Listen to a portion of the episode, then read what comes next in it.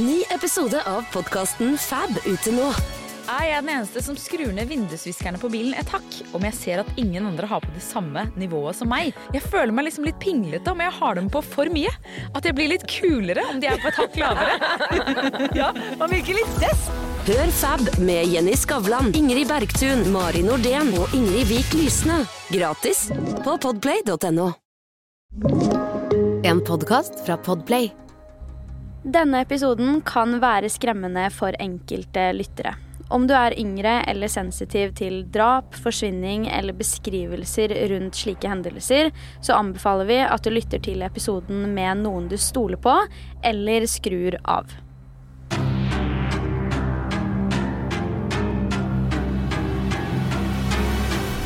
Hallo og velkommen til en helt ny episode av Forsvinningsfredag podcast. I denne episoden skal jeg snakke om en sak som vil være litt kortere enn våre vanlige episoder, av den enkle årsak at det ikke er så altfor mye informasjon å finne der ute om saken. Likevel så syns jeg dette er en helt ufattelig spennende sak å ta opp, spesielt nå før jul, egentlig, så jeg håper at du uansett vil finne saken interessant. La meg ta deg helt tilbake til begynnelsen. I begynnelsen av desember 2011 blir den da 37 år gamle Patty Michelle White invitert hjem til Michelle O'Dowd på 67 år. Det høres kanskje rart ut at de to skulle hatt en hyggelig kveld sammen, typ som venner, sånn til å begynne med, men faktisk var Patty ekskjæresten til Michelles nevø, så det kan jo virke som at Patty gjorde godt inntrykk på familien den gangen hun faktisk var sammen med nevøen til Michelle. Michelle behandlet henne i hvert fall fremdeles som familie, så det er helt tydelig at hun hadde enorm tillit til Patty. Akkurat det er viktig å ha med seg til senere. Dette initiativet med at Patty kunne komme på besøk til Michelle, som virkelig kun kom fra et godt sted fra Michelle sin side, skulle vise seg å være et vanvittig skjebnesvangert valg for den 67 år gamle kvinnen. En ting som er verdt å merke seg, er at Patty White slet veldig med økonomien sin på tidspunktet. Hun hadde ikke jobb eller noe som dro inn månedlig inntekt til henne i det hele tatt. Så når hennes gamle svigerbestemor tar initiativ til å komme på besøk, velger Patty å dra nytte av nettopp det, på en ganske drøy måte, spør du meg.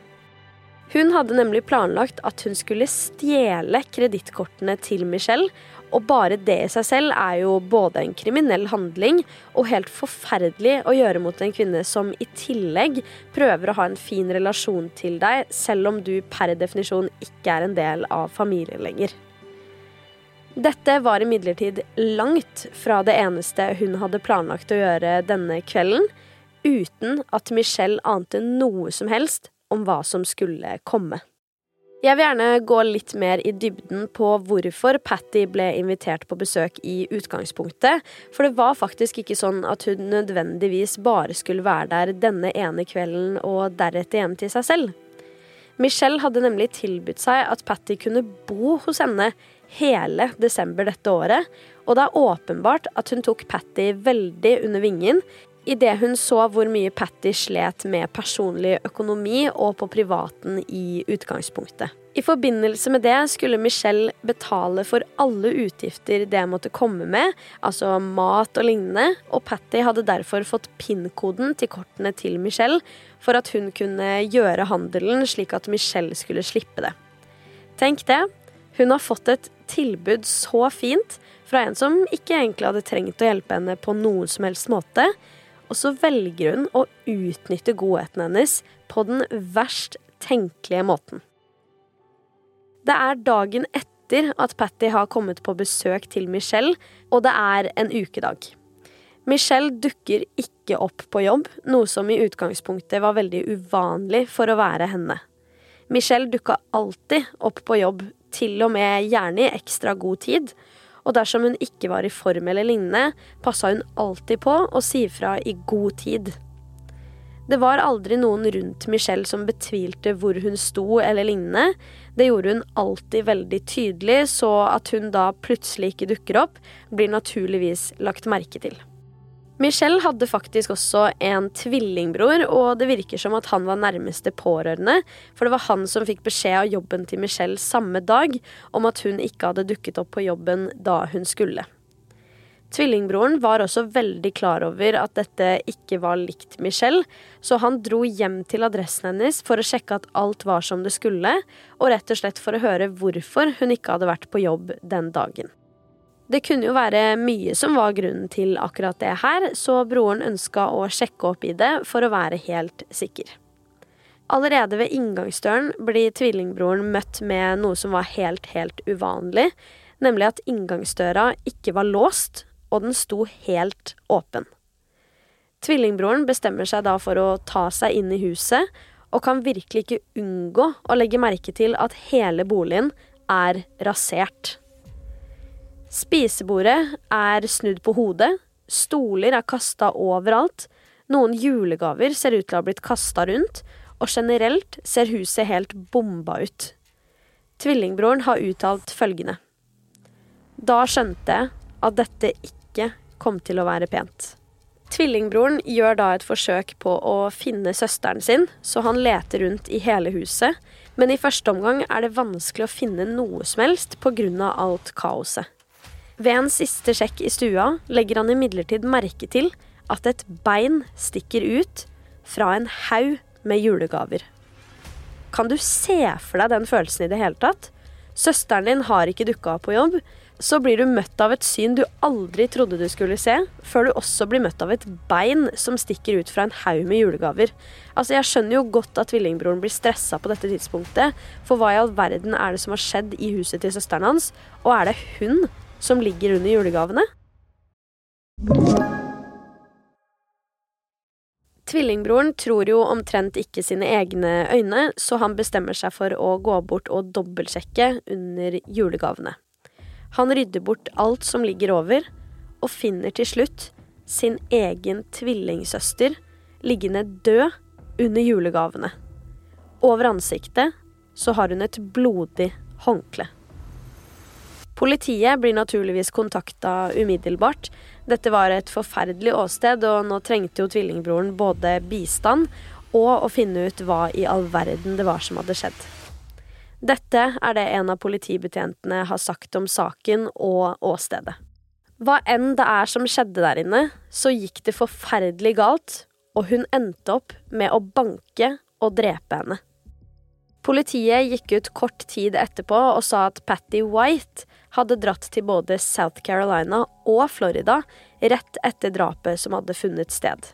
I Florida hadde hun tatt ut 1000 dollar i kontanter fra kredittkortet til Michelle. Fire dager etter drapet hadde skjedd, ble hun også pågrepet og sikta i saken. Grunnen til den raske pågripelsen var da at tvillingbroren visste at Michelle hadde tilbudt seg å ha Patty på besøk gjennom hele desember, så det virka nesten for åpenbart at det skulle være henne, men så hadde de jo heller ingen andre som kunne hatt noe med dette å gjøre. Tvillingbroren ble naturligvis avhørt som et vitne, og i avhøret har han forklart at han var veldig klar over at Michelle behandlet Patty helt ufattelig bra. Som nevnt litt tidligere så var jo Patty arbeidsledig, og selv om det var en grunn til at hun var det, at hun ikke klarte å holde på en jobb, så ga likevel ikke Michelle opp håpet, så hun ga henne ofte flere småjobber og lignende for å kunne tjene litt penger i det minste. Michelle behandlet henne virkelig som et familiemedlem, og tok så godt vare på henne fordi hun oppriktig brydde seg om henne, men likevel ble hun utnyttet. I utgangspunktet tenkte nemlig ikke tvillingbroren at det kunne være et mulig motiv på noen måte, men så kom både han og politiet frem til at hun mest sannsynlig har blitt tilbudt én finger, men tatt hele armen og litt til.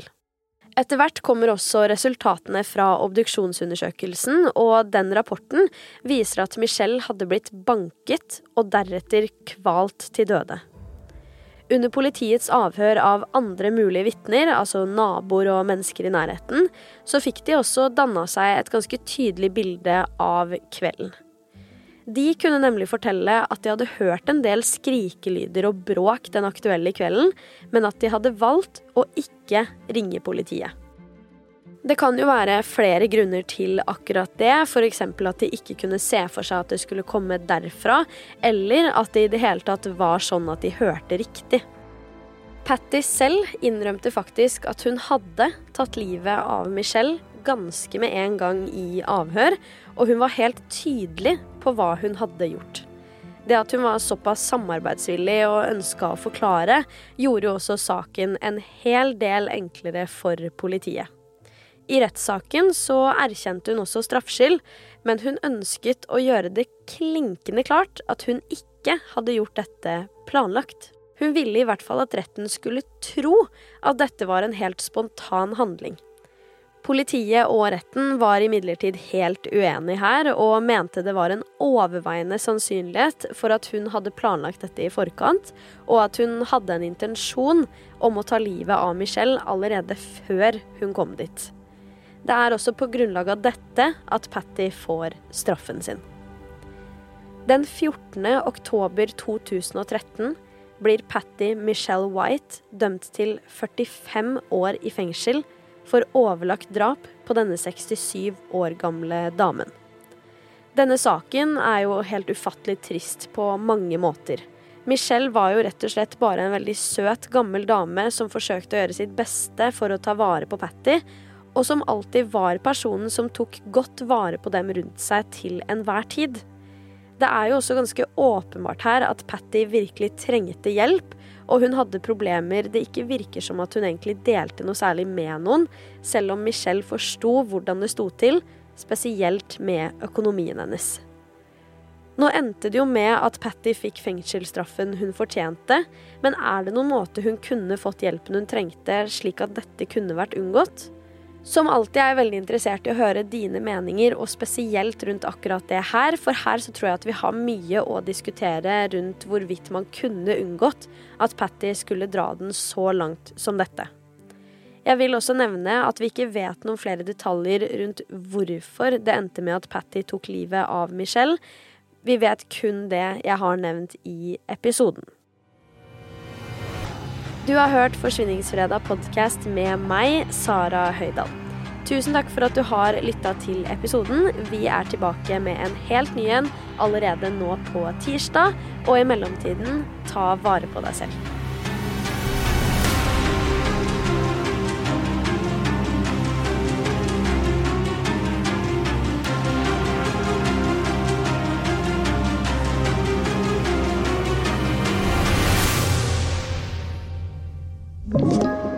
Du har hørt en podkast fra Podplay. En enklere måte å høre podkast på. Last ned appen Podplay eller se podplay.no.